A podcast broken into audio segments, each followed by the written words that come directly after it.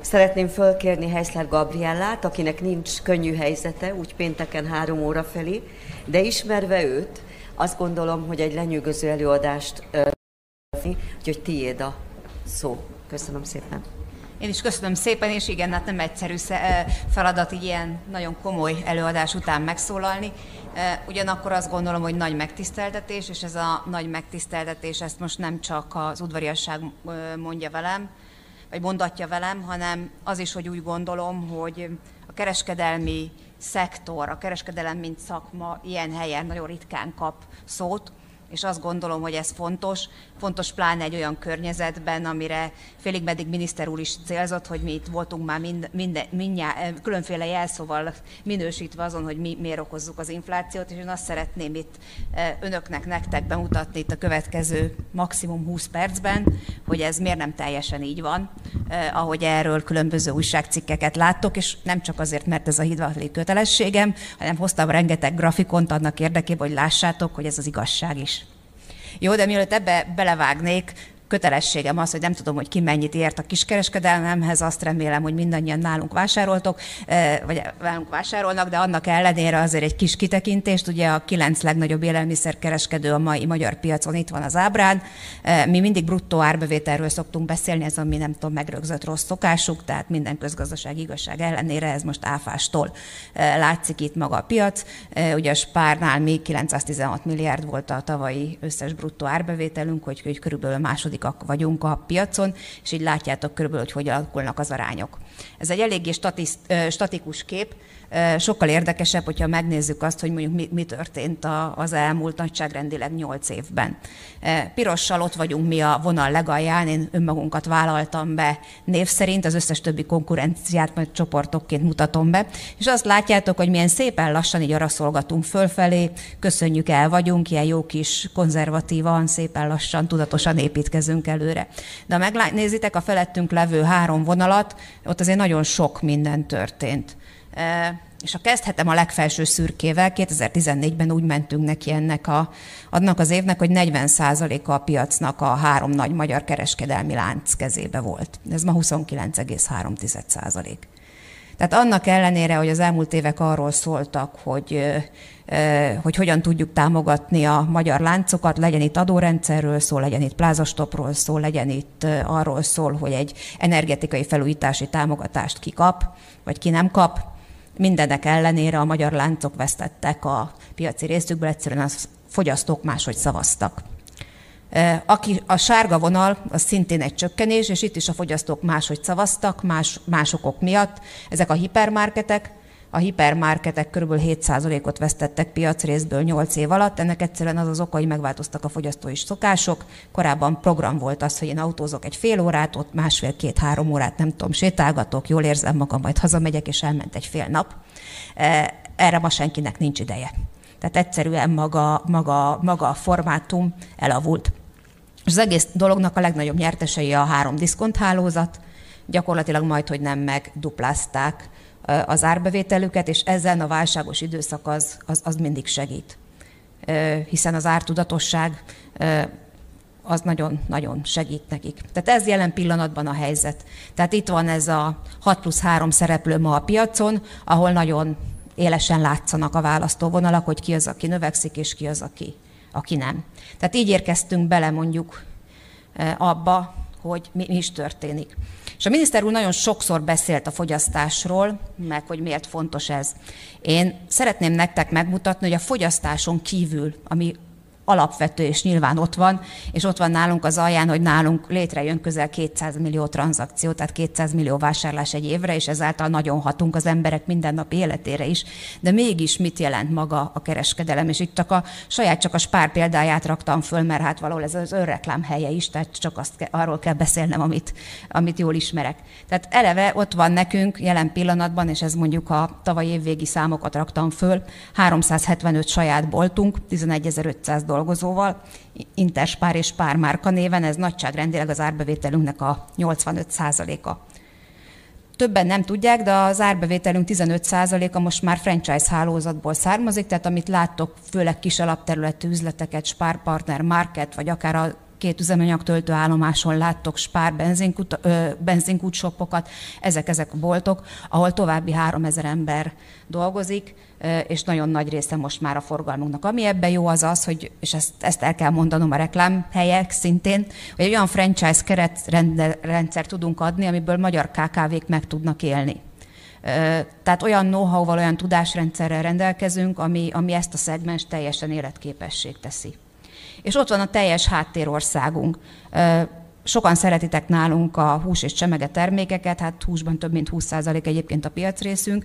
Ezt úgy érjük el, hogy van saját te, három termelőüzemünk, gyakorlatilag a Bonafarm csoport után mi vagyunk Magyarország második legnagyobb húsipari cég, ezt kevesen tudják, ha kint lennénk a piacon, több mint 50 milliárd forint árbevétele lenne csak, ha, csak a húsüzemeknek, illetve van egy kisebb ilyen, ilyen, szelet, ilyen saláta és szendvicsgyártó üzemünk. Tehát van, van termelési lábunk. Van ingatlan kezelő lábunk, amit mi adunk bérbe be, tehát a Totó Lottótól kezdve a DMN át, a Virágoson keresztül, a Fenyőfa árusig 100 ezer négyzetmétert mi adunk bérbe.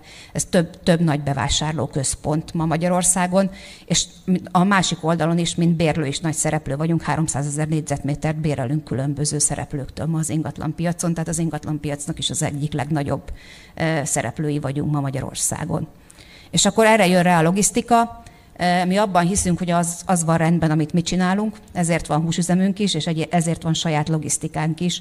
Két logisztikai központ az közel 75 ezer négyzetméter a, a két logisztikai központnak a négyzetmétere, 1700 emberrel, és van saját, saját teherautóból közel 200 és kb. 300 alvállalkozó, és ezeket mind mi irányítjuk. Tehát, hogy közelről egyszerűnek tűnik egy ilyen élelmiszerbolt, hogy egy forintért veszünk valamit, kettőért eladunk, és jaj, de egyszerű az üzleti modell, és ezt mindenki jól és könnyen megcsinálja, de a háttérben pedig ezek ott vannak mögötte, amit ma mi nap mint nap üzemeltetünk. Tehát így néz ki a kiskereskedelem, és akkor, amikor fogyasztásról beszélünk, akkor remélem, hogy egy ilyen ábrával átlátjátok, hogy ezért ez mégis a gazdaságnak mennyi, mennyi ágába megy bele.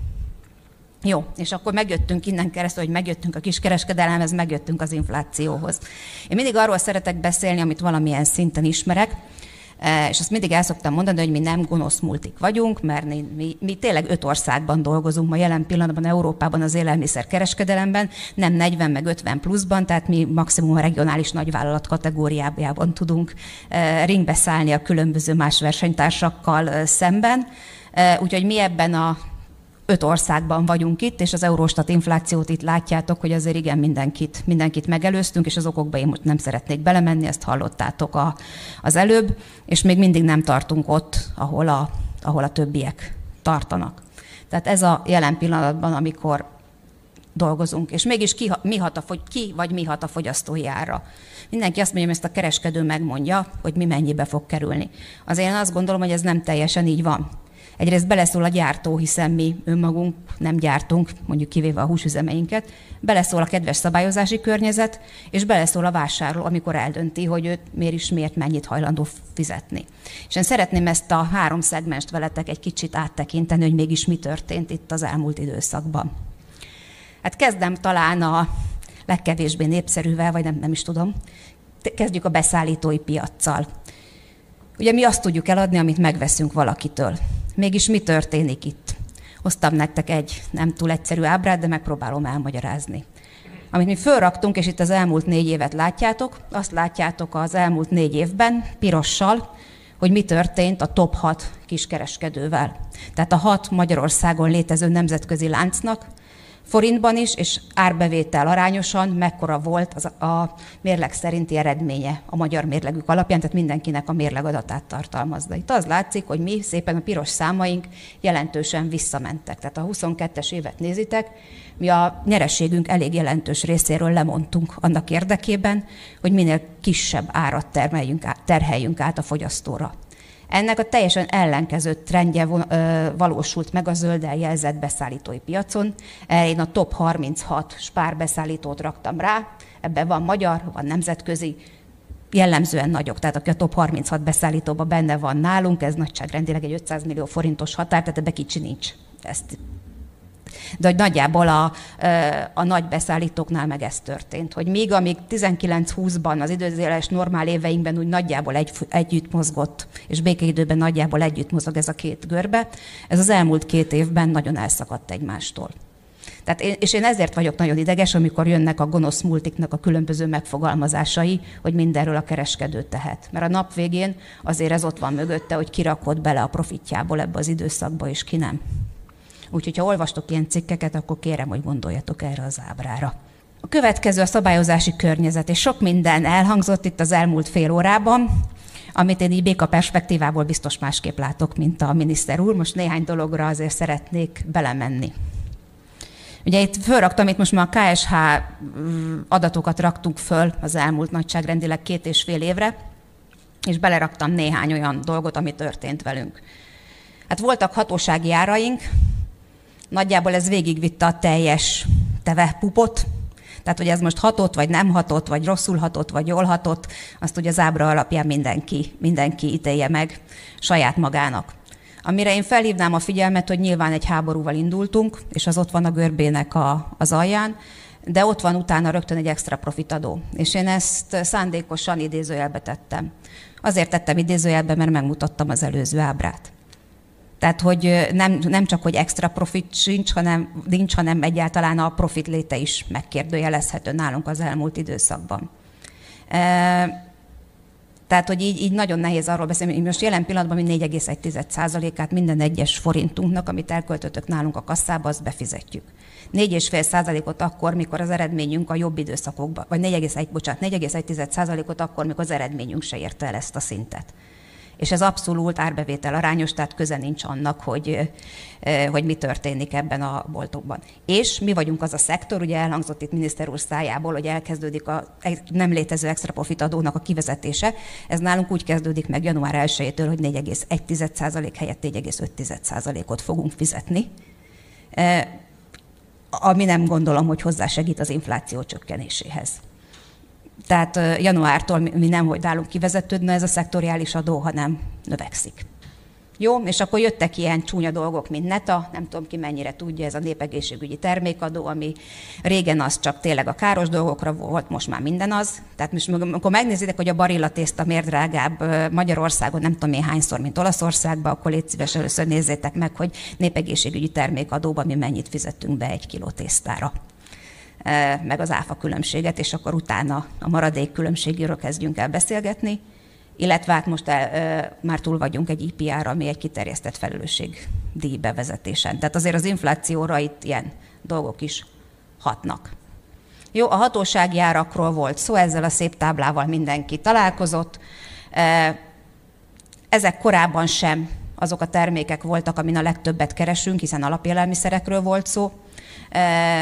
Ugyanakkor ahova sikerült leküzdenünk magunkat, azért ez egy brutális szint, tehát nagyon sok milliárdba került ez nekünk ez a hatósági ár, csak mint spár, és akkor itt megint nem mesélek a, többiekről, tehát ez két számjegyű milliárd, amiben nekünk ez befektetésbe benne, benne van az elmúlt időszakban.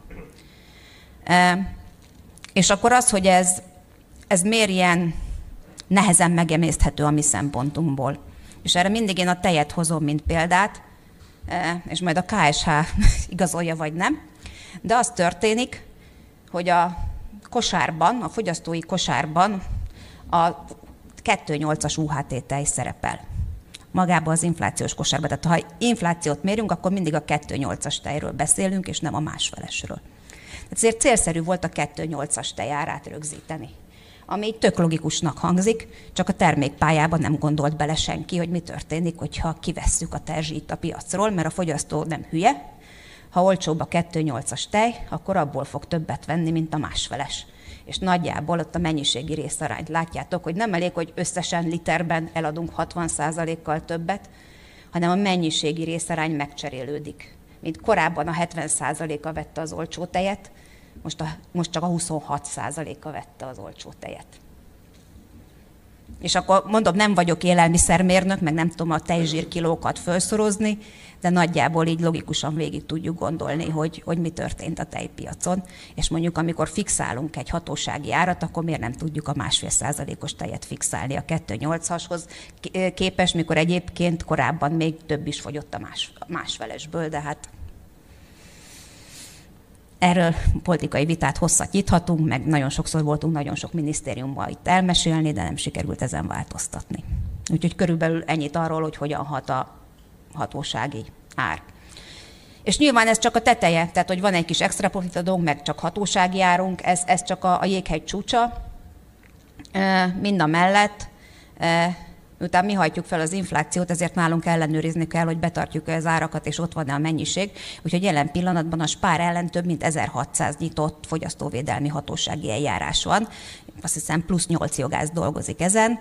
Nagyon jó szórakozás de gyakorlatilag minden nap 8-10 ellenőrzés van annak érdekében, hogy mi betartjuk a hatósági árakat. Miközben egyébként van online elfigyelés, meg a kasszadatokat én nem tudom, hogy hány hatóságnak küldjük, tehát az nézi meg, aki akarja de jó, hogy ezzel fizikailag foglalkozunk és papírokat gyártunk.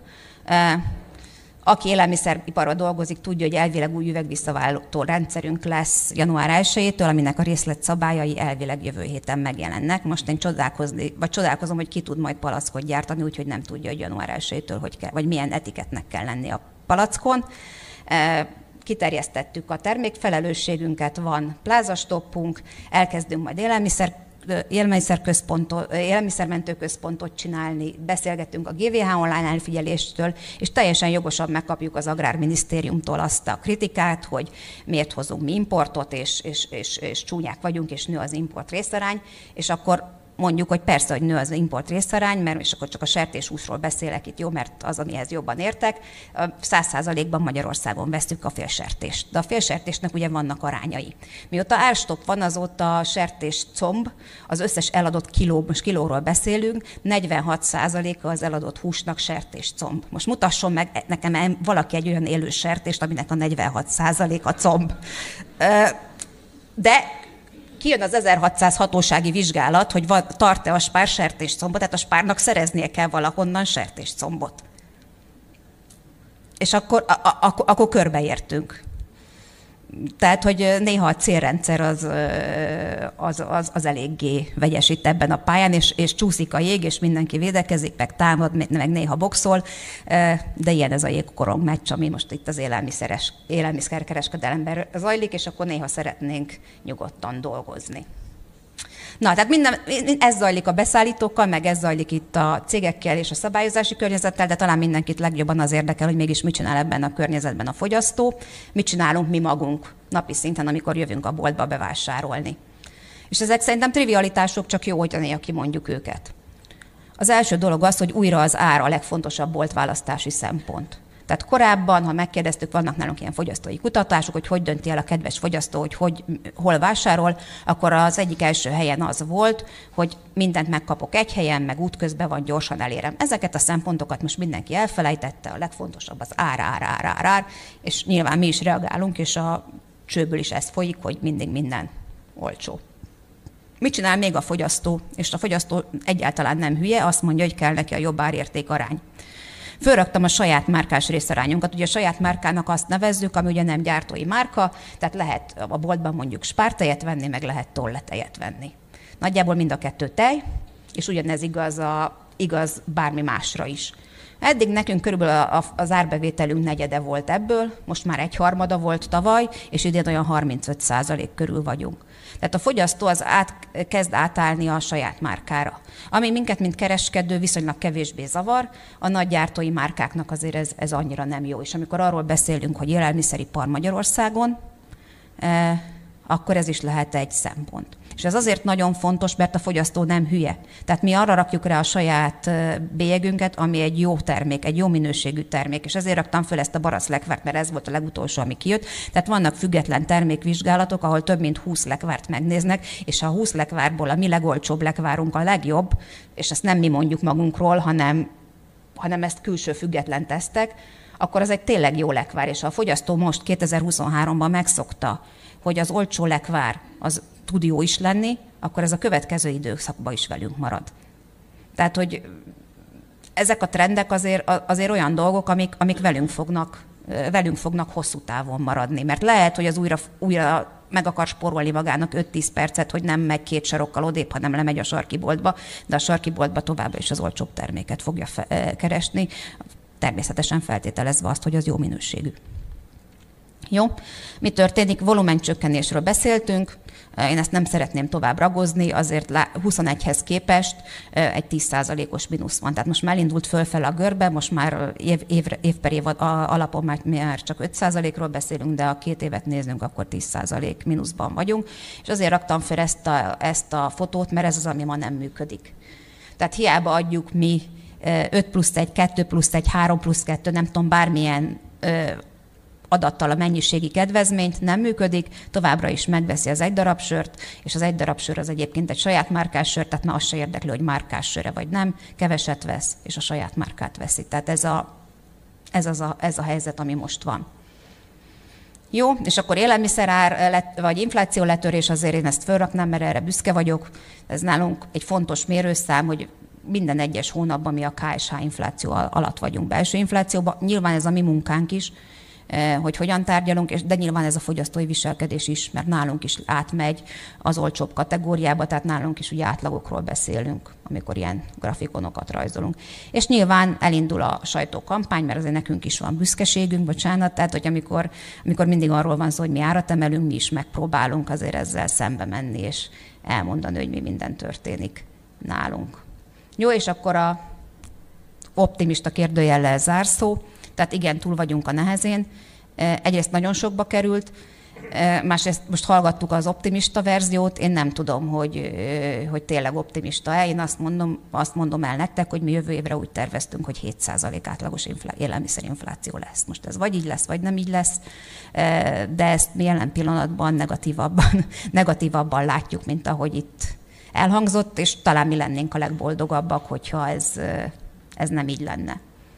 Jó, én azt gondolom, hogy nagyon sokat teszünk azért, hogy a vásárlói bizalom helyreálljon, és talán ez lenne a kérésem a tisztes társaság fele is, hogyha arról beszéltek, hogy infláció, akkor talán annyit vigyetek el velünk, hogy ez nem, vagy nem csak a kereskedelmen múlik, hanem ez sok szereplős játszva, és mikor arról beszélgettek, vagy arról olvastok, hogy erről ki tehet, Eh, akkor jöjjön elő ez az ábra, hogy ez négy szereplős. Tehát ebben benne van a beszállító, benne van a szabályozási környezet, a fogyasztó, és természetesen a kereskedő is, de ezt négyen játszuk ezt a, ezt a játékot.